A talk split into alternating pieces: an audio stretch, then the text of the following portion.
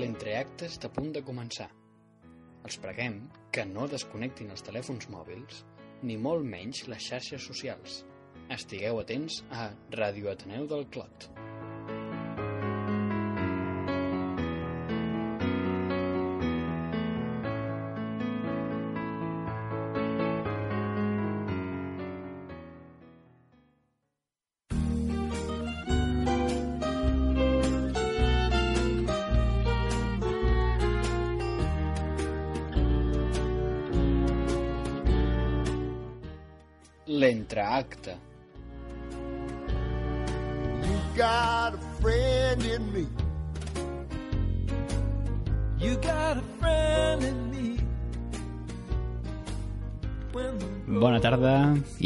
Benvinguts a tothom a un nou programa de l'Entreacte, concretament el número 6, avui número dia, perdó, 10 de maig, dimecres 10 de maig.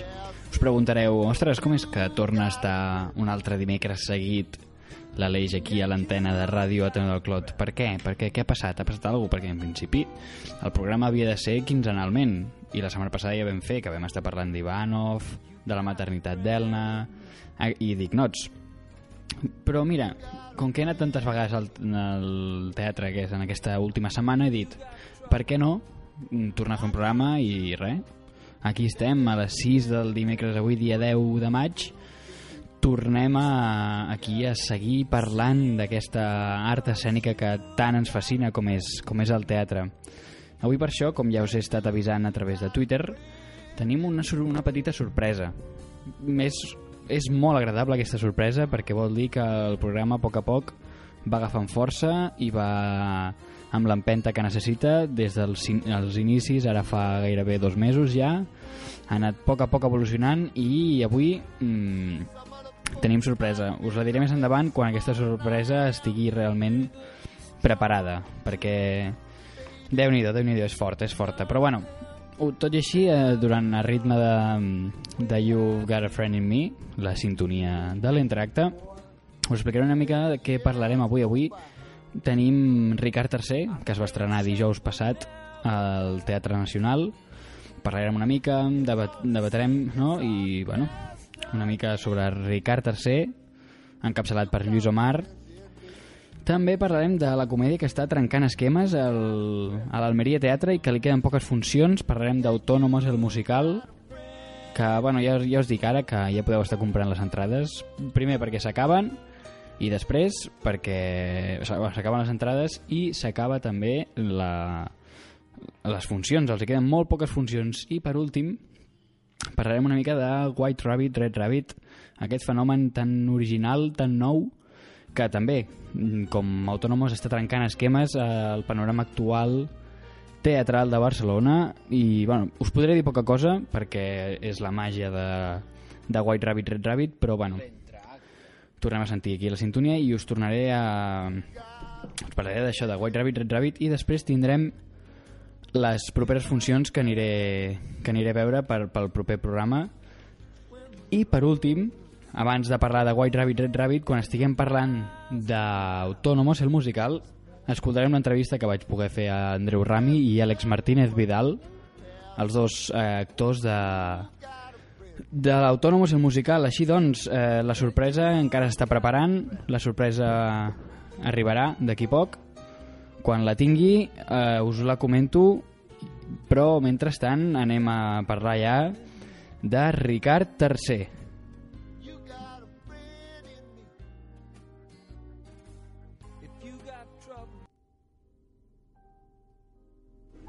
De les maldats que jo ordeixo en secret, les culpes les carrego sobre els altres. Té, contempla aquesta mostra dels teus fets sagnants.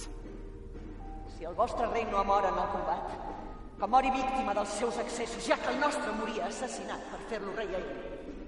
Tu vas venir a aquest món perquè la terra se'm tornés un infern. Avui, dia dels difunts, a la meva ànima espantada se li acaba el termini concedit per passar comptes.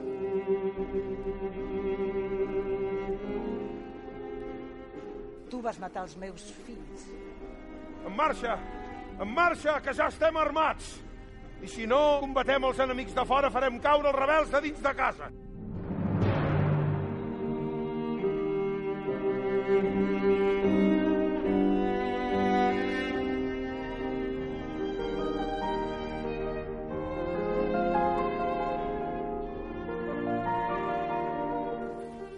Farem, senyor, si descobrim que Lord Hastings no es mostra favorable als nostres plans? Li tallarem el cap.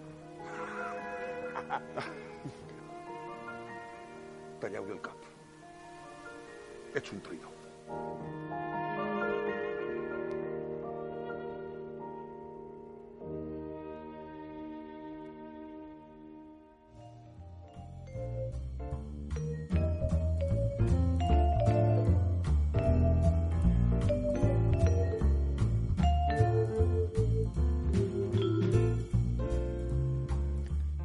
Doncs sí, ja veieu, Ricard III no tenia cap mirament, feia el que volia, el que li rondava el cap, pel cap mm, rotundament, no? I bé, comentar-vos el repartiment. Primer de tot, Roger Casamajor, Jordi Collet, Antoni Comas, Carme Elias, Oriol Genís, Robert González, Lluís Omar, Joel Joan, Lina Lambert, Albert Prat, Anna Saún, Aina Sánchez, Julieta Serrano i Òscar Balsecchi. Aquest és el repartiment dirigit per Xavier Albertí, que representa fins al, 10, al 11, perdó, 11 de juny a Ricard III a la Sala Gran del Teatre Nacional. La nota que li poso, la meva nota com sempre faig amb totes les obres, és un 8 i mig i us puc comentar per què. Doncs sí, el dijous passat va ser l'estrena de Ricard III al Teatre Nacional i vaig tenir l'oportunitat d'anar jo a la preestrena. I ja us puc avisar que vaig sortir molt content, però, però amb alguns peròs a comentar. Us explico. Ricard III és un text clàssic que, bueno, un text clàssic com és el de Ricard III explicant totes les peripècies que va arribar a fer per tal d'aconseguir el poder d'Anglaterra tot i estar amb mobilitat reduïda per, les, per totes les batalles ja viscudes. Sense cap mena de contemplació, comença a cometre crims i a persuadir a altres persones perquè li donin suport a canvi d'una recompensa. No direm com acaba ni les trames interiors que hi ha, però de fet és una història que gairebé tothom coneix més o menys mm, què va aconseguir o, o no Ricard III. I simplement pot trobar la sinopsi. Jo em basaré més en aspectes de l'abast d'un espectador, simplement d'un mer espectador. Començant per les interpretacions, les de Lluís Omar, Anna Saún i Joel Joan, ja us aviso que són magnífiques, en tant que esperades, òbviament. És una cosa que tothom va veure com es llueix Lluís Omar de la mà d'Anna Saún i Joel Joan. Per tant, magnífiques, però esperades. Però les que complementen, complementen el text potser els hi manca una mica de naturalitat de la, la, de la mateixa manera que és una posada en escena molt quieta, sense gaires moviments. Per tant, és necessari fixar-se en les expressions facials dels actors. És a dir, si estàs a, més enllà de la fila 10, t'has de guiar simplement pel text i no per les interpretacions de la cara dels actors perquè no, no s'aprecien. No s'aprecien, perdó. I segons valoracions d'altres espectadors, mm, troben que s'ha de pujar el volum tot i els sistemes de micròfons que porten posats. Deixant de banda el tema interpretatiu, comentar l'escenografia, una escenografia peculiar també, un, una escenografia que no és de l'època, sinó és molt actual, com si d'un pràcticament un text futurista no? es tractés amb portes correderes de vidre que tanquen les altres tres parets de l'escenari, perquè la quarta està oberta de cara als espectadors. Com ja sabem, la quarta paret. També eh, comentar que molta part de l'escenari queda absolutament buida. És a dir, la part de dalt de les portes aquestes, amb lo gran que és l'escenari de la sala gran del Teatre Nacional, doncs queda buit i doncs mm, es complementa no, amb unes projeccions un pèl estranyes potser i difícils d'entendre i de captar el significat en les que apareix, per posar un exemple, la cara de Lluís Omar en forma de cabeçut moldejable. Com si es anés movent pel vent no sé, una, una mica estrany però bueno. També s'afegeix la projecció en directe del que enregistra una càmera. Potser és per donar-li més perspectiva a la posada en escena però bueno, són recursos que actualment es posen s'han posat de moda, no? també ho vam, veure, ho vam poder veure a Ivanov que també que durant el mateix en directe s'enregistra amb una càmera però això sí, només són en comptades escenes les que eh, estan registrades amb una càmera, no és durant tota l'obra. per últim, però no menys important, avisar-vos que dura 3 hores i 10. Sí, sí, és, és molt, és molt. Però jo dic jo que passen ràpid. Si més, si més no, més ràpid que altres obres que inclús poden arribar a durar menys. No perdeu l'oportunitat d'anar a fer una visita a la sala gran del Teatre Nacional per tornar a rebre una altra classe magistral de teatre del gran Lluís Omar. Felicitacions a Xavier Albertí, el director, que fins a l'11 de juny al Teatre Nacional eh, tenim Ricard III. Per tant, aprofiteu i aneu cap allà.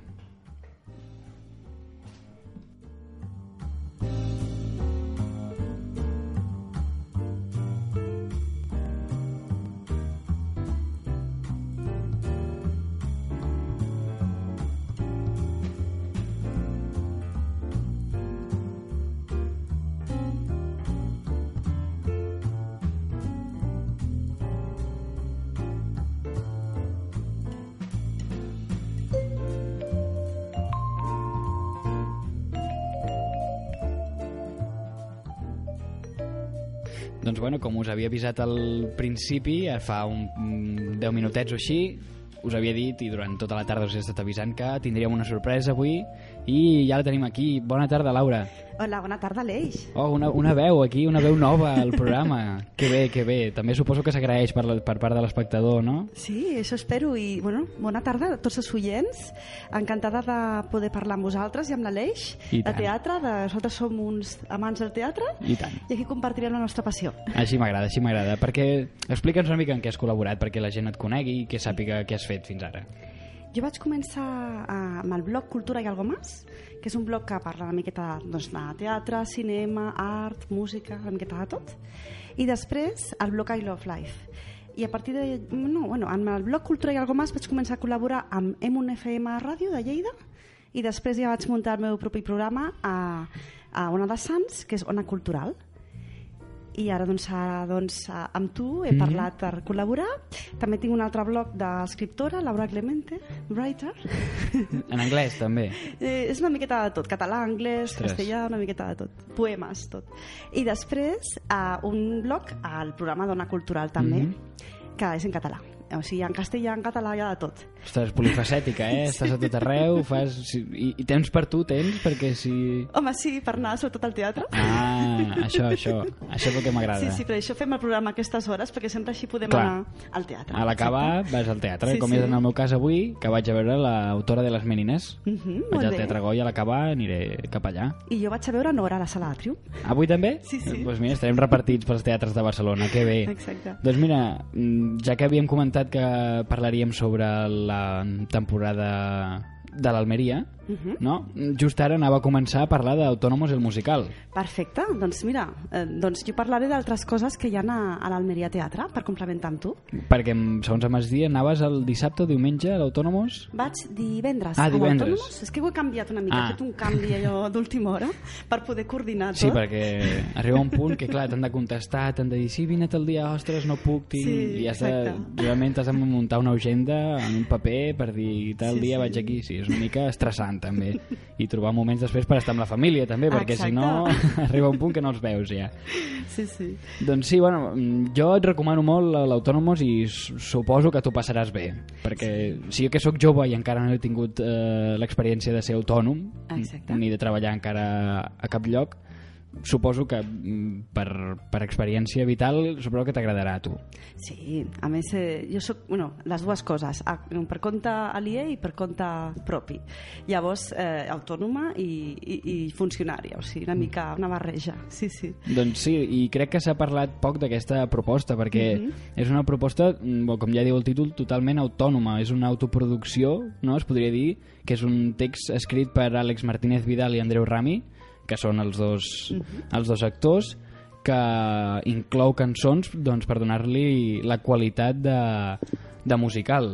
És un musical molt, molt dinàmic, actual, tan actual que, tal com, diu, com ens diu l'Andreu Rami a l'entrevista, que podrem escoltar després, que vaig poder parlar amb els actors, cada setmana van mirant d'incloure noves bromes per tal que, que segueixi les notícies d'última hora La- les, sí, sí, és un... com es va renovant, no? I, I van provant si funcionen les bromes i ja les incorporen per, per les següents funcions. I com molt bé diu el text, doncs ens explica en clau d'humor els problemes i les decisions que pren un autònom a l'hora de fer-se autònom. I, bueno, Andreu Rami, curiós, s'encarna en el paper de nou personatges. Ostres. Per contra, Àlex Martínez Vidal es posa en el paper tan igual com és ell. Tant, tant, tant, que, que és com que representa a ell mateix. És una, una experiència que li ha passat a ell, no? I Sí. va decidir fer un text de de- d'això del que li havia succeït a ell i és, és la seva història i com ja he comentat és totalment autònom els dos fan tots els papers de l'auca és a dir, si ens ho comenten a l'entrevista ja ho podem escoltar però diuen que si s'han de planxar coses abans de començar l'obra les dues hores abans de la funció doncs ho fan ells, no tenen ningú que ho faci és molt autònom, com bé diu el títol no? i destacar la capacitat que tenen els dos actors per empatitzar amb el públic i fer-lo riure cada escena amb les rimes de les cançons i les bromes de, dels gags. No només, no només estan ells dos sols a l'escenari, també tenen el, els acompanya un pianista que és el Joan Berenguer que amb una tablet a moda de partitura doncs va entonant les cançons del musical Ah, ostres. i fa algun paperet també petit, els hi comenta alguna frase, però res, simplement és això, anar fent, fent les músiques. El públic assiste- assistent eh, es va sentir molt identificat el dia que jo hi vaig anar i els va aplaudir eh, l'esforç de poder crear una comèdia d'un tema que cada vegada sembla afectar a més gent no? i que és més comú pel que, pel que veig jo. Teniu poques funcions ja per, per aprofitar perquè acaben el dia 20, el 20 de maig acaben i tenen pensat prorrogar Sí, sí, sí. però bueno, no se sap encara si prorrogaran o no així que està, aprofiteu perquè entre que els, que els hi queda poc i les entrades volen aprofiteu per posar-vos i, i, i fer-vos riure una estona que dura hora i 10, hora i 20 potser i la, la nota que li poso és un 8 i mig ja comentarem després la nota que li poses tu quan la vagis a veure i... Molt bé, perfecte. Sí, alguna sí. impressió prèvia així eh, per comentar? D'autònomos? Sí. Home, penso que és una feinada en el sentit del projecte és pràcticament fet per dues persones, he vist, i llavors, clar, això ja per mi és doncs, molt admirable, la, la part de... Sigui, bé, quan veig un projecte així tan, fet tant de carinyo, tan personal, com per exemple, no sé si vas veure el Maldà, la, la de... La, ai, no em surt ara, espera, perdona. Oh. eh, la de les dones de cotilles, que ara em surt. Les dones sàvies. No, No? les dones sàvies és molt maca, també molt Ah. divertida. No, jo volia dir una altra, però ara no em surt, ja, ja us ho diré. Doncs, uh, bueno, quan veig un, un, un projecte així tan personal, Mhm. doncs uh, la veritat és que eh, doncs encara em entren més ganes de veure'l. I aquí he vist que la direcció, i el, o sigui, l'autoria, la, la direcció i també la interpretació són dels dos. Llavors, clar, és una feinada br- brutal i doncs la, el, el tema és molt interessant per el que dius tu, que molta gent ho viu molta gent ho viu a les seves cars Mm, sí, Llavors, sí, d'això.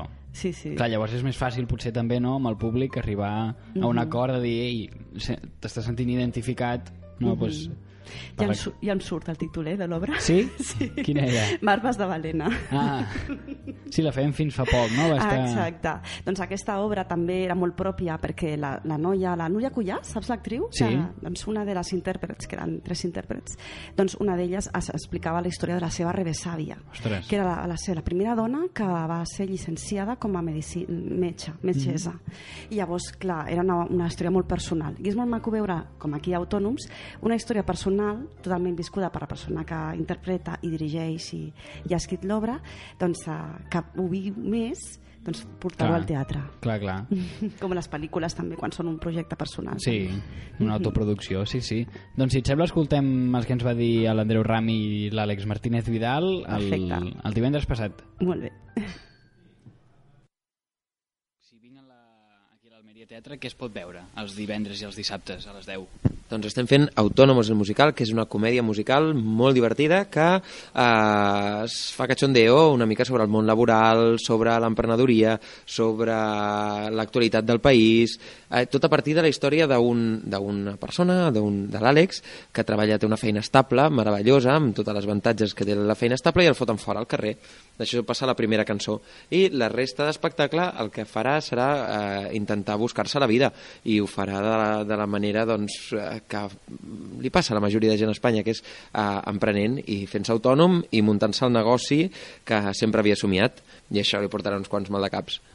Perquè feu com una crítica aquí al, al, com al sistema professional, no, econòmic que hi ha a Espanya, però, però clar, aquest sistema també engloba el teatre, no? com a professió, diguéssim, i vosaltres esteu fent teatre sobre això, per tant és com una mica una paradoxa, un, una, un bucle, no? Potser? Sí, realment hi ha, hi ha dos ingredients claus a l'espectacle. Un és la comèdia, és a dir, la, la principal intenció que tenim és que la gent s'ho passi bé i sembla que ho aconseguim de moment, les funcions, que, les funcions que portem ho estem aconseguint. Aquest seria un ingredient i l'altre ingredient que és molt, molt important, és la crítica. És a dir, ho critiquem tot. És a dir, des dels polítics fins als autònoms, um, el, Coach, el, els- coach, els te, el teatre, el teatre com a, com a entenent el teatre en, en, en part de l'IVA cultural, no? com està en aquest país, i és, un, és el segon ingredient, de fet, és humor i crítica. Amb, amb aquestes dues coses construïm tot el show. Per tant, sí, sí, és, i trenquem molt la quarta paret, fem molt metagag de que estem fent un musical, de que estem fent una obra de teatre, sortim dels personatges a, a, estones puntuals i realment sí, és, un, és una obra de, de l'obra una mica, Sí, no? utilitzem el llenguatge del musical per fer, per fer humor perquè al final nosaltres, la nostra pretensió quan, quan, quan estàvem muntant l'espectacle era fer alguna cosa que fes molta gràcia i que, i que a nosaltres ens fes molta gràcia també i, i vam utilitzar el gènere musical perquè i és, un, és un gènere que és molt fàcil de, de parodiar i, i realment dona, dona moltes possibilitats i l'altre és uh, carregar contra totes les coses que, que passen en el dia a dia i que ens posen dels nervis i, i això és des de, des de treballar en si, o sigui, el, el carregar-nos a la feina, perquè tots dos eh, treballem molt, ens agrada treballar, però hi ha dies d'aquells que t'aixeques i dius, i ara per què me n'he d'anar a treballar, ara vull quedar en, aquell, en el meu llit mirant el Netflix i per què? Per què m'he d'aixecar del llit? Doncs pues això també ens ho volíem carregar. I, I de moment està funcionant, la gent, la gent riu molt amb aquest espectacle. Sí, sí, sí, de moment sí. Perquè, o sigui, llavors quedem que va més enllà de l'humor, o sigui, la crítica va més enllà de, no, de, de l'humor. Sí, però també hi ha... Sí, no, no, no és humor gratuït, és a dir, és, és humor amb, amb un esperit crític, és a dir, que per això ha de servir... L'humor al final diuen que és això, que és agafar la teva realitat, no?, i, i riure tant d'ella, no? I nosaltres del primer que ens riem és de nosaltres mateixos i a partir d'aquí construïm doncs, doncs l'espectacle i De al fet- final ha de servir per això, sí, sí. Sí. De fet, deia Billy Wilder, uh, cuéntales la verdad o te mataran. I Billy Wilder és un dels grans comediògrafs de, de la història. I nosaltres, per fer aquest espectacle, també ens hem basat molt amb la, amb la realitat, amb la nostra realitat mm, vital i, i professional. Autònoms, els dos, sí, tots sí. dos som autònoms i tots dos hem basat a la, a les cançons. Hi ha una cançó que es fa a Hisenda, uh, quan l'autònom s'intenta donar d'alta i es troba totes les, traves, totes les traves burocràtiques. Després hi ha les cançons amb els clients, amb uh, la cançó de la feina estable, totes són, parteix de l'experiència de la nostra realitat. I, mm, i, i és amb aquesta base de realitat amb que la gent també se, se- se sent eh, reflectida i riuen, perquè a tothom li han passat pràcticament totes les, totes les coses que passen en aquest espectacle. Perquè tan, tan autònoms que, que bueno, el- els passos previs a la funció també ho feu tot vosaltres, no? Exacte, de fet eh, som 100% autònoms nosaltres a l'arribar al teatre eh, muntem a l'escenari. Planxem la roba, provem la tècnica eh, mm, ho fem tot, Tot, ara quan acabem amb, amb, amb tu eh, directament doncs és a remuntar tot agafar doncs, ja dic, la roba, planxar, posar-ho tot a lloc eh, fer el passe tècnic mirar que tot funcioni i sí, sí, tot, i l'espectacle tot fet per nosaltres, és a dir, el guió les cançons, eh, absolutament tot, eh, la, la promoció, tot, no hi, no hi ha un mànager, no hi ha una productora, som nosaltres i, i ja està. Eh, nosaltres som allò, la filosofia Juan Palomo, i jo me lo que sé me lo como, i ja som aquesta generació que hem après a fer-nos-ho tot nosaltres, perquè no hem esperat mai res de, de, dels altres. Eh, no hem esperat ni que ens donin una bona feina, ni, ni de treballar sempre en el mateix lloc, ni d'esperar que algú vingui i ens, ens salvi, no? ens, ens doni una solució als nostres problemes. Nosaltres I tampoc hem volgut, eh? L'altre dia vaig llegir una frase a Twitter que m'agradava molt, que era ai, hòstia, fes el que t'agrada, que si no al final et contractaran. I m'agrada m'agrada molt aquest concepte, no? I realment som practicants d'això. No, realment admirable, no? Perquè sempre hi ha el tècnic que fa això i al, i al cap i al fi vosaltres dos sou els que moveu tot. Però bueno, el, abandonant ja una mica més el, el que seria tota la preparació i tal, el text en si és un text mm, de carrer, un fàcil. És fàcil d'interpretar o a la vegada és difícil perquè sigui tan senzill? Si és un paper, o sigui, els papers que interpreteu, diguéssim, no? representa qualsevol persona del carrer. Això ajuda o no ajuda? Sí, bueno, primer aclarim que jo només sé fer un personatge que és de, fer de mi, per tant, jo sóc molt mal actor, i faig d'Àlex, que sóc jo. I llavors l'Andreu és el que s'ha de currar més i ha de fer nou personatges durant l'obra, i jo faig un, eh? I cobrem el mateix, que aquí està, està molt ben pensat per part meva, però sí, sí, realment... Bueno, no sé, Andreu, tu què has de dir, que ets el que més curro interpretatiu tens. Val a dir que l'espectacle, com l'hem escrit nosaltres, l'hem composat nosaltres i l'hem dirigit nosaltres i Sí. l'hem produït nosaltres, bàsicament ens ho hem fet tot de nosaltres i per nosaltres, eh, parteix amb una facilitat, que és que ja tot ho hem pensat eh, per representar-ho nosaltres, llavors no hem, no hem fet coses que, que ens siguin difícils o que no, no és escaramuix això, perquè no, no, nosaltres no, entrem al, a l'escenari fent acrobàcies i eh, fent flip-flaps i, i, Ho vam intentar, però no... però no, no. no, no, ballant estem entremig de Pina Bausch i Stephen Hawking, llavors eh, no, no, no seria el codi Més que... a prop d'un que de l'altre, però sí, sí. No diríem aquí. Uh, però, però ens ho hem fet una mica a mida. És un espectacle que és alta costura, o sigui, l'hem fet a mida per nosaltres. I això està, això està molt bé, perquè també va canviant, és un espectacle que és molt viu, d'una setmana a l'altra afegim acudits, afegim nous gags, canviem vídeos, canviem... Mira, aquesta, avui ens, estàs eh, entrevistant ara i d'aquí dues hores tenim funció. Doncs a la funció d'avui hi ha tota una escena que és diferent a la setmana passada. Llavors mirarem com funciona i si funciona la fixarem i anirem a polir una altra cosa. Llavors cada setmana anem a poc a poquet tocant l'espectacle, que ja fa molta gràcia, la gent riu en tot l'espectacle, però tenim com una dèria perfeccionista com molt gran i que si, si notem un buit de riures en algun moment de l'espectacle anem ràpid a corregir-ho. I en, I en aquest sentit la interpretació està tota feta, ja et dic, a mida per nosaltres i a mida perquè la gent rigui, que és l'objectiu de l'obra.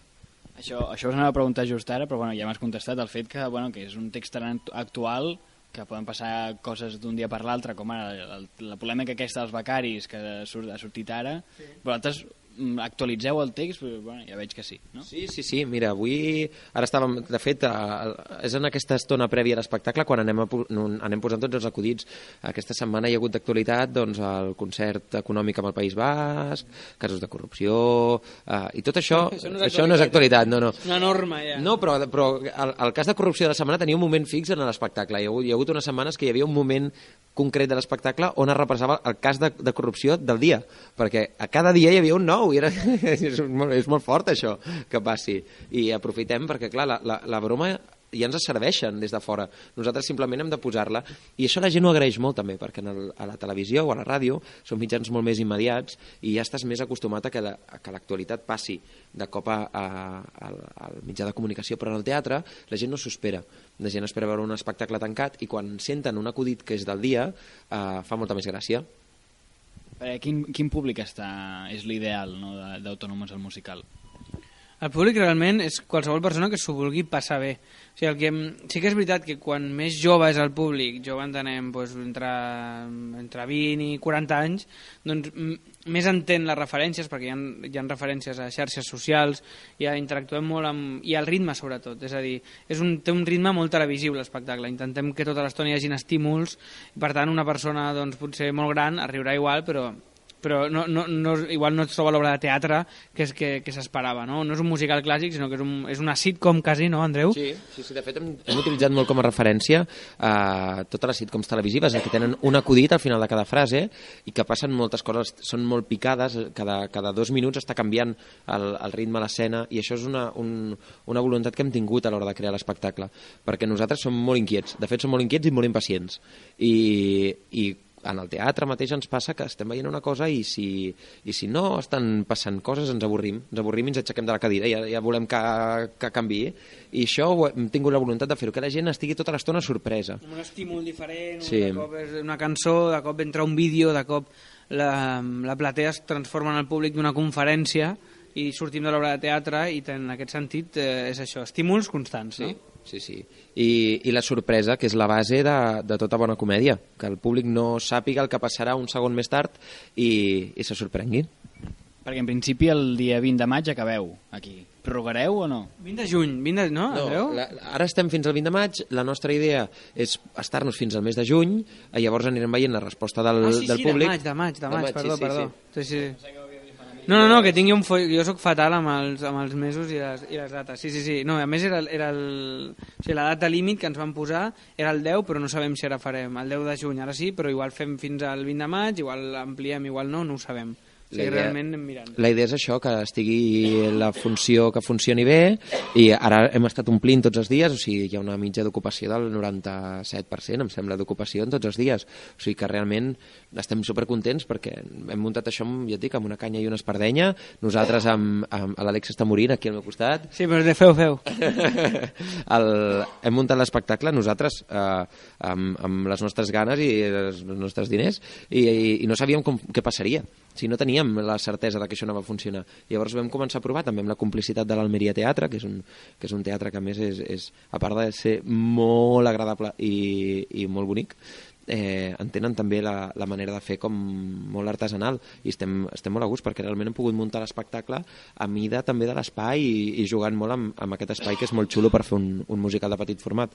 I ja et dic, mentre es vagi omplint nosaltres anirem fent però ara, ara per ara acabarem el mes de maig aquí O sigui, que tenim clars que des d'avui, no, no sé quan s'emet això, però més de 10 funcions no, no més no farem segur. És a dir, acabarem abans de 10 funcions per acabar la temporada, acabar abans de l'estiu i a partir d'aquí parar, reflexionar i mirar què fem. O sigui que més de 10, això sí que ho podem afirmar, que no en farem.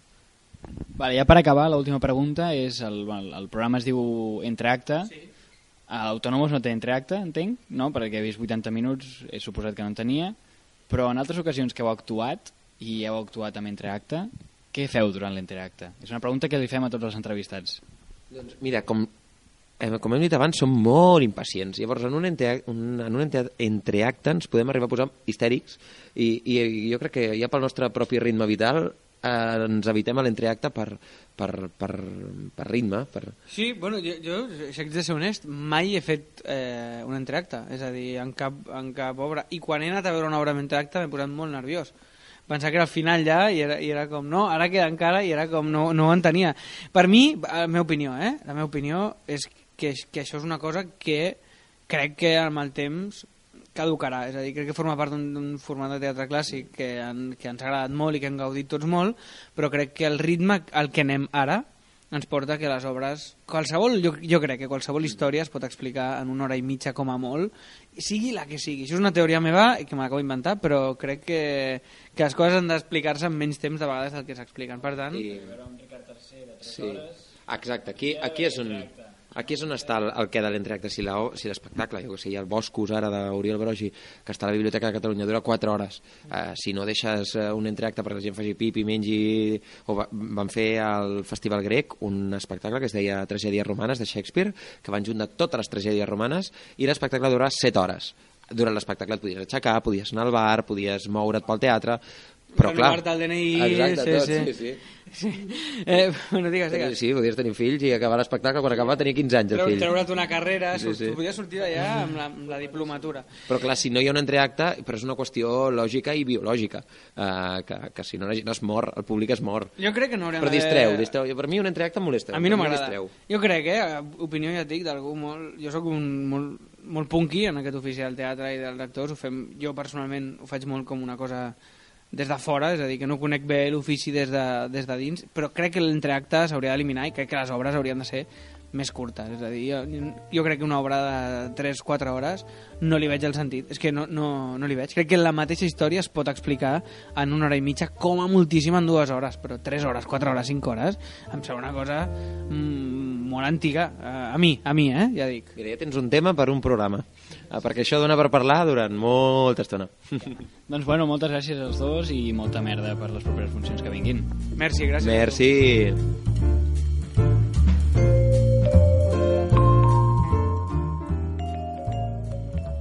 Pogut escoltar no, les experiències que han tingut Andreu Rami i Àlex Martínez Vidal, agrair-los el temps destinat per fer aquesta entrevista i, i que acabin de tenir unes bones funcions de d'autònomos el musical. Sí, jo espero que allarguin, com deien ells, que s'estan confonent fins al 20 de juny. Com Sí, sí, ja tenen el cap ja posat el 20 de juny. Exacte. Doncs a l'Almeria, no, que tu volies uh, saber, no, doncs, uh, que us informés de, de tota la programació. Ells uh, han proposat una programació vertical i està molt bé, la veritat és que aquest teatre és molt entranyable, no? Sí, molt, molt bonic. sí, sí. I doncs ah- ahir, per exemple, eh, que era dimarts, vaig poder veure el, el Joan Vázquez fent un tribut a Stephen Sondheim, molt maco, Something's Coming, i fa doncs, un recorregut per tota la carrera de Stephen Sondheim, de meravella. Eh, La veu del Joan Vázquez és al·lucinant, el piano del Vázquez és meravellós, i a més va tenir convidats, que no puc dir... Bueno, sí, no sé si l'Almeria em permet dir-ho, però prefereixo que sigui una sorpresa per als oients, perquè així és més divertit Sí, i més, sí. més emocionant. I jo, jo crec que deu anar improvisant i a cada funció deu anar provant a veure, doncs convido aquests, amics seus, col·laboradors, com ell ha fet tants musicals, doncs eh, suposo que, que ell va, va convidant a diversos personatges de, del, del teatre musical. Que divertit. I, sí, sí, molt, molt entranyable, molt emotiu, perquè les cançons de Sondheim són molt emotives, molt romàntiques, uh. I, i llavors la veritat és que eh, ho recomano molt a la gent que li agrada el teatre musical i també a la gent que li agrada doncs, a, que ja veu acompanyada d'un piano ben interpretat també. I doncs, també un recorregut per, tota la, per tots els musicals des dels anys 50, 60 fins, a, fins ara Que interessant, la Sí, veritat, sí. no? I és també per passar una estona també tranquil·la, no? Sense haver Mhm. d'estar estressat pensant en els en, en, el, en la trama, la sinopsi, eh, Exacte. simplement escoltant música. Sí, sí. I llavors, a, els dimecres fan Alta Mar, que no la, ja us ho aniré dient perquè encara no l'he vista, però que diuen que és una crítica del món contemporani amb uns personatges que es veuen obligat, eh, obligats a prendre decisions polítiques. Eh? Llavors, a Alta Mar, a la direcció és del Lluís Graells i surten el Carles Vigorra, el Gerard Domènech i el Quimet Sorio, els, els dimecres, a les 9 també, a Almeria.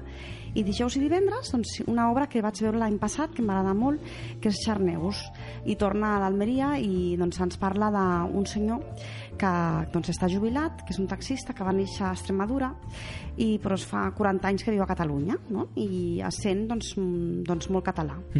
I doncs, ella assegura sentir-se català. I la seva filla llavors eh, doncs es queda al·lucinada la Marissa i li, la, eh, doncs acut a unes sessions de, de, psico, de psicodrama que és un tipus de teràpia grupal així, doncs molt, molt divertit i llavors eh, vol que li tractin el problema que té el problema que té el seu pare perquè ja ho com un problema com Clar. són una família de, entre, entre cometes gent de fora, doncs fa la broma no? sobre el terme xarnego no?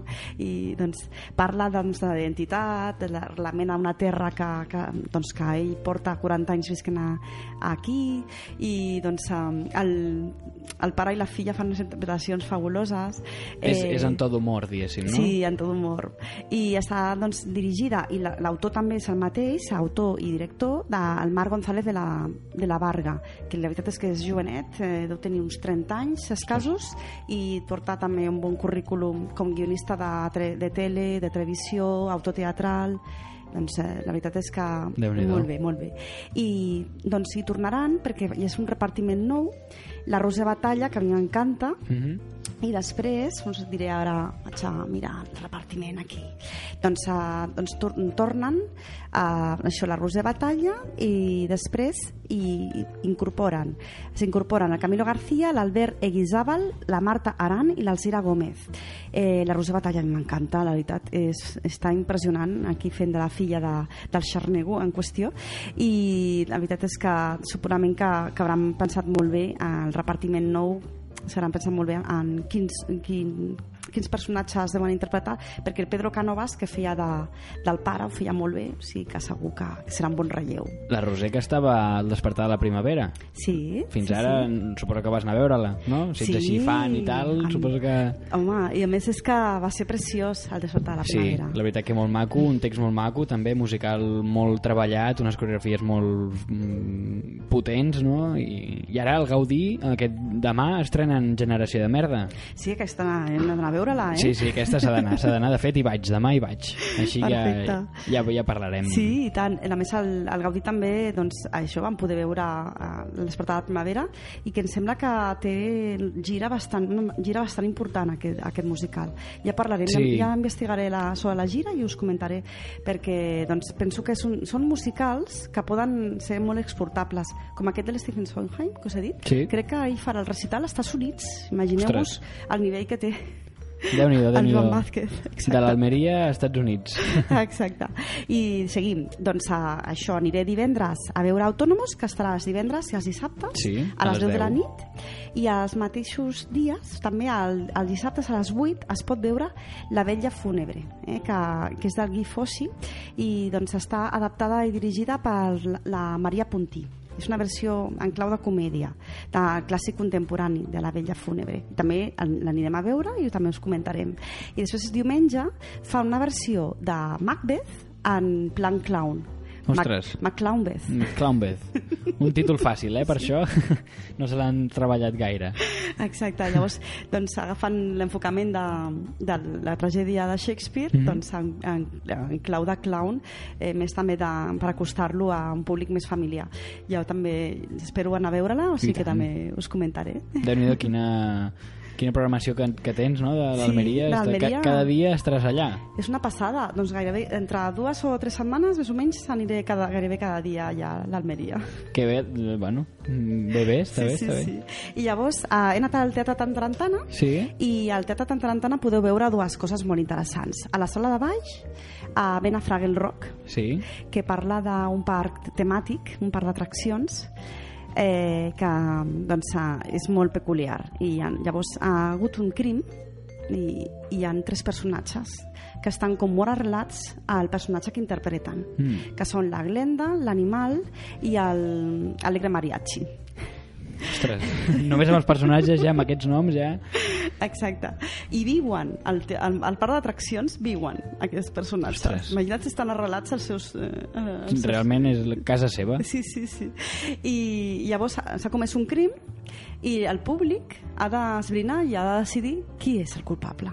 O sigui, fan partícip al públic, també. Sí, sí, sí. Ostres, això és molt curiós, eh? I, i feia temps que no es veia... Exacte. Bueno, no feia tant, perquè ara amb el White Rabbit, Red Rabbit, Ahà. no sé si has anat, No, vull anar-hi.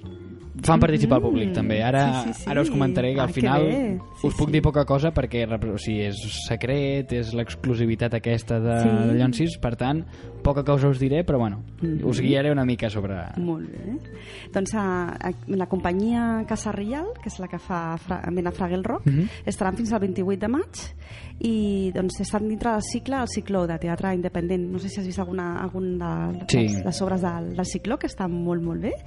Doncs a, ells van estar l'any passat i tornen. L'any passat els vaig veure per fer 17 simpàtiques maneres d'acabar amb el capitalisme, que va ser molt, molt divertida i molt ocorrent Me la vaig perdre, aquesta.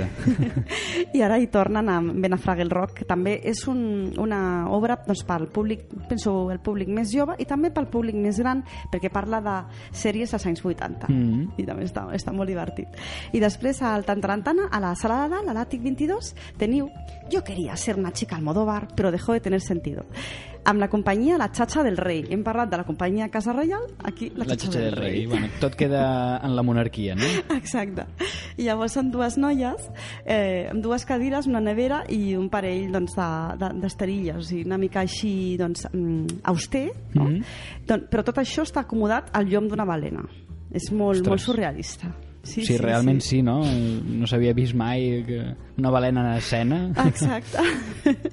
I llavors, la, les protagonistes eh, fan un espe- espectacle molt, molt això, surrealista, perquè aquesta balena doncs, eh, és com una nau que els ha de portar a terra ferma. I, i, doncs aquesta balena està dormida és una metàfora no, de la vida, Mm. l'estèsia social en què vivim Ostres, una miqueta així que aquesta- profund, no? Que- sí, sí, sí i la veritat és que doncs, eh, elles estaran, han prorrogat justament, Ah. parlant de pròrrogues an, anaven a estar fins al dia 7 perquè les companyies que estan a l'ATI 22 normalment estan per poquet temps i han tingut èxit i llavors prorroguen una setmaneta més i estaran fins diumenge, dia 14 És, és un títol una mica llarg. No? Sí, llavors pots dir jo queria ser una xica Almodóvar. I ja està. I ja està. I segur que al Google et surt. Exacte. Llavors, la, la creació i la interpretació és de les dues actrius. Eh, o sigui, han fet tot entre elles, que són la Laia Albert i la Paula Ribó. Molt, molt, la, la veritat és que és una creació molt, molt personal d'elles, eh, molt divertida, i ho teniu de, de dijous, o sigui, de, de dijous fins dissabte, eh? Teniu les funcions... Ai, fins diumenge, perquè estaran fins diumenge, dia 14, o sigui, tots els Mhm. quatre dies. I l'ajudant de direcció també fa una feina molt, molt encomiable, també, que és el Xavier Torres Xu- Xuriguera. Doncs això, al Tantarantana. I... Vinga, vayan pasando, sí? no? Sí, sí, hombre. Recomano una coseta més? I Sí. Ja... sí? Perfecte. Doncs el cicle Jo Gesto, que és un teatre mímic, un teatre de Ostres. gestos. Vaig veure la setmana passada, que va ser molt bonic, La leyenda del valiente. Era un espectacle de Sant Petersburg, eh, amb música japonesa, preciós, amb, amb figures d'origami, Mhm. que s'explicava la història d'un gosset que s'anava doncs, a, anava per diferents paisatges del món fins a l'Antàrtida per aconseguir curar a un altre animal, un tigre, que s'ha fet mal. O sigui, és una història que sembla infantil, però no ho és. Pot arribar a tot a tipus de públic, és màgica, eh, sembla com que te'n vas, que levites, mentre estàs veient aquell espectacle tan bonic. Uh, fan participar el públic, però Mm. després fas origami, també fas... Ostres, vas aprenent, no? La tècnica ja. Exacte, sí, sí. I, a més, eh, doncs, la música japonesa. L'intèrpret és un músic japonès meravellós i va agafant diversos eh, instruments i, i, i et transporta. Eh, aquesta setmana doncs, fan Engrunes, que és una versió actualitzada en, en l'era de la immigració de Síria, de, de les grans, els Mhm. grans èxodes que, de Hansel i Gretel. O sigui, és la història de Hansel i Gretel transportada ara, en grunes, molt maca. Clar. I col·labora una nena, que és la, justament és la, la filla petit, la filla gran dels, uh, dels que porten els gestors de la, de la sala Fènix, Oh, justament. que maco. I, sí, sí. Uh, va Molt ser familiar, no? També, a Molt vegada. familiar, l'espectacle, sí, sí. Per tant, no hi ha guió. O sigui, hi ha veu, hi ha diàleg... Sí, aquí Ah, sí vale. que hi ha diàleg, Vale, com que però, així però també- un, diàleg, un diàleg mut. O sigui, és això que volia dir, un argument mut. Perquè és tot gestual. Per això, vull dir que no sí, sí, parlen. Sí, no que parlen, no... no parlen, ah, exacte. Vale, vale, sí, vale. sí, sí. I és molt maco perquè, clar, la història de Hansel i Gretel tothom la coneix Mm, sí, sí. I, i llavors pots seguir, però és molt més mm, com dramàtica perquè sabem que és eh, el que passa ara, no? Que és un camí que, que fan els emigrants que deixen el seu, el seu origen i ja deixen enrere i no hi tornen, normalment no hi tornen, i se'n van cap a la caseta de xocolata, que és Oh. la terra promesa. No? Ostres, quina Sí, sí. metàfora, no? Exacte. ben buscada, Sí, també, sí. amb algun conte tan tradicional com és Hansel i Gretel. Exacte. I llavors aquest espectacle, doncs els intèrprets, a part de la nena que us he comentat, Sí. eh, són la Gata Cabezas Pintani, l'Òscar Romera Fernández i la Maria Jove Pujol. La direcció és de la Montse Bonet. I també la dramatúrgia és de la mateixa Montse Bonet i Rum Teatre, que és la companyia que fa l'espai escènic i el vestuari. I aquest cicle durarà quatre setmanes. I la veritat és que val molt la pena. És teatre gestual, cada setmana és una companyia, de dijous fins diumenge, i després acabarà amb un cabaret molt maco, que també us comentaré. Ostres, quina... Sí, sí. Déu-n'hi-do, no Sí, parar, sí. no parar. I després ja està. Doncs a, avui, aquesta nit, me'n vaig a veure Nora, Mhm. a la Sala Atrium, que és la tercera part de la trilogia de la imperfecció, que parla de la dona. La primera part eh, par ens parlava de, de la Nina, de la casa de nines de Sí. La segona, Júlia, que era la senyoreta Júlia de Strindberg. I ara, doncs, la Nora. la, Nora, ai, la, la Nina, Ah, que és la gavina de... He dit Nora? Sí. Ondó. Volia dir Nina. la gavina de Chekhov. La Chekhov, sí, sí, sí. Aquesta és la... la doncs ens parla de l'idealisme, dels somnis... Doncs, els, bueno, els somnis frustrats, de la Sí. pèrdua de la innocència. I doncs es centra, aquesta trilogia de la imperfecció sempre es centra en els personatges femenins. I en aquest cas tenim aquí a la Nina, interpretada molt bé per la Gala Sabater i sempre amb la direcció del Raimon Molins, que, que em sembla fantàstic. Un bon gran- director. Un gran director, penso que a més molt especialitzat en teatre clàssic. Llavors fa unes versions molt, doncs, molt interessants perquè fa com un gir, una altra vuelta de tuerca, no?, als clàssics. Com fa l'Oriol Terrasson, de les Antonietes, doncs Sí. un, un estil així. Justament l'Oriol Terrasson va col·laborar amb ell a, a, a Nora, que era la primera, la, la que era de, de Ibsen, la, la Sí. casa de nines i justament per això vaig estar parlant amb ell i tenen molt, molt en comú aquests dos directors, l'Oriol Torrasson i, i el Raimon Molins.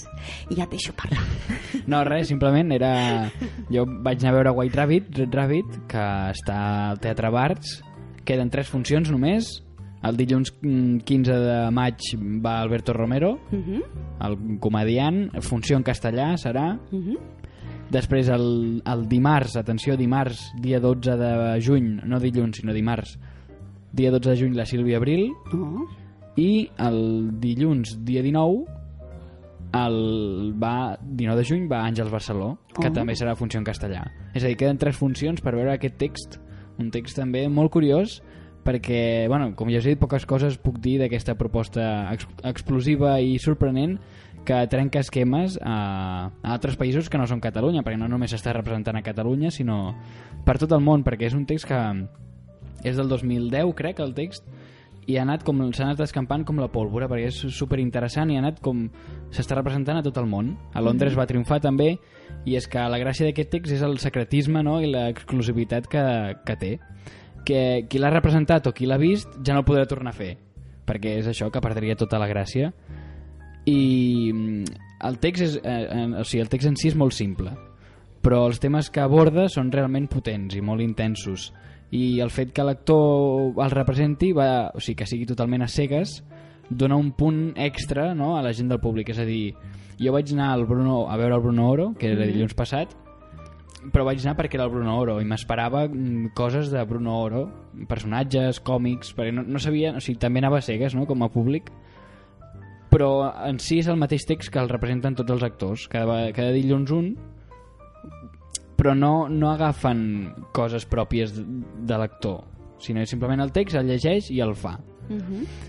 i bé, és això és una experiència nova que mai s'havia fet a cap teatre de Catalunya i la gràcia que també té el text és que pots tenir un feedback amb el mateix autor perquè et facilita un correu electrònic perquè li enviïs les fotos o les impressions que tens del text, li enviïs i te les respon el mateix Oh. autor és un autor indi, crec que es, es diu Nassim Suleimanpur Uh -huh. que, fet, que va, va fer aquest text el 2010 i això facilita el mail dels espectadors i d'aquesta manera poden enviar les fotos a l'espectacle. Per tant, és un projecte viu que fa que, que el propi autor sembli que està assegut a, a platea, no? perquè també part, fa participar el públic i tot, i ho trobo molt interessant i és un temes que fan, fan reflexionar profundament sobre l'existència humana com, com acostumen a fer molts textos actuals. T'hem trobat en altres ocasions a altres teatres que el text que hi ha és, també es fa reflexionar sobre, no? sobre l'existència humana, Mhm. mm, temes de la mort, potser. Pues,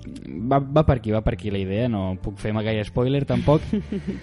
I res, simplement que aprofiteu l'hora i 10 que dura, o hora i 20 potser, que per passar moments de tot, riure i moments seriosos també, és a dir, té de tot. Oh. No, no, eh, espero anar a veure-la. Sobretot em faria gràcia l'Àngels Barceló. Sí, doncs l'última. Perquè Sí, sí. és que una periodista, llavors em fa molta, molta gràcia veure-la en acció al teatre. Sí, el, el sí. segon o tercer actor que va, ho va fer, bueno, actor en aquest cas no periodista, va ser Jordi Basté, també. A mi m'agrada molt. És a dir, Sí, sí. no només són actors, sinó també gent del, del món de la comunicació. Uh -huh. I bé, mm, ja s'acosta quasi el final del programa. Simplement dir-vos les properes obres que vaig a veure, que és Generació de Merda al Teatre Gaudí, l'autora de Les Menines avui mateix al Teatre Goya, i la setmana vinent els tres aniversaris a la Vila Roel. Mhm. No sé si tens present anar-hi, si tens pensat.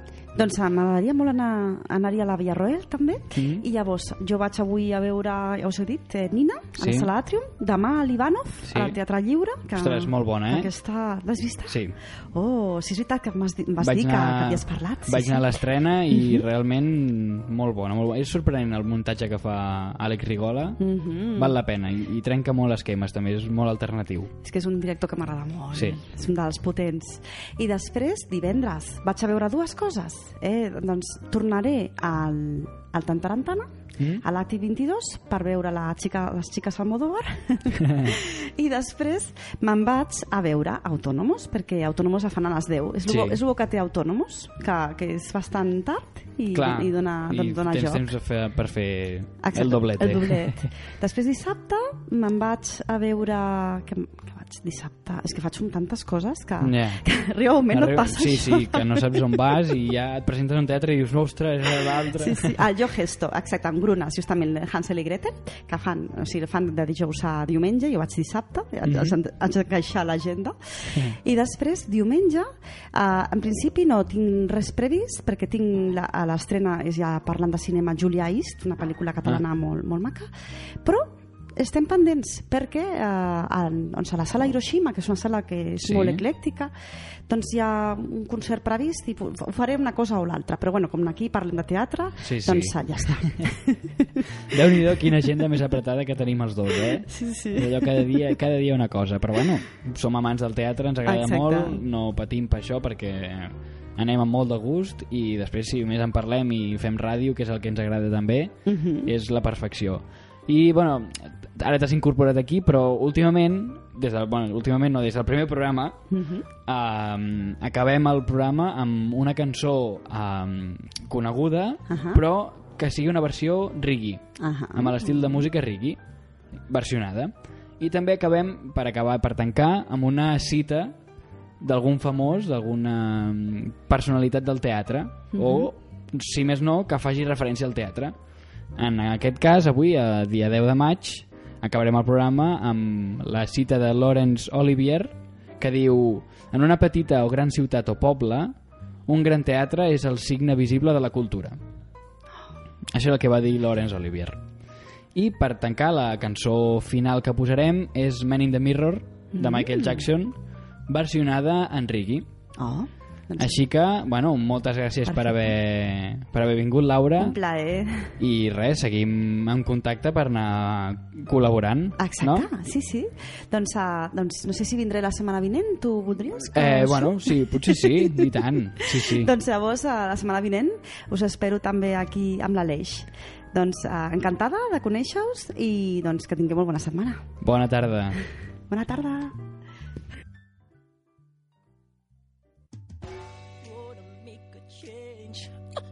For once in my life. It's gonna feel real good. Gonna make a difference. Gonna make it right. As I turn up the collar on my favorite winter coat, this wind is blowing my mind. I see the kids in the street with not enough to eat. Who am I to be blind, pretending not to see their need? A sonorous disregard, a broken bottle top, and a one man soul. They follow each other on the window, cause they got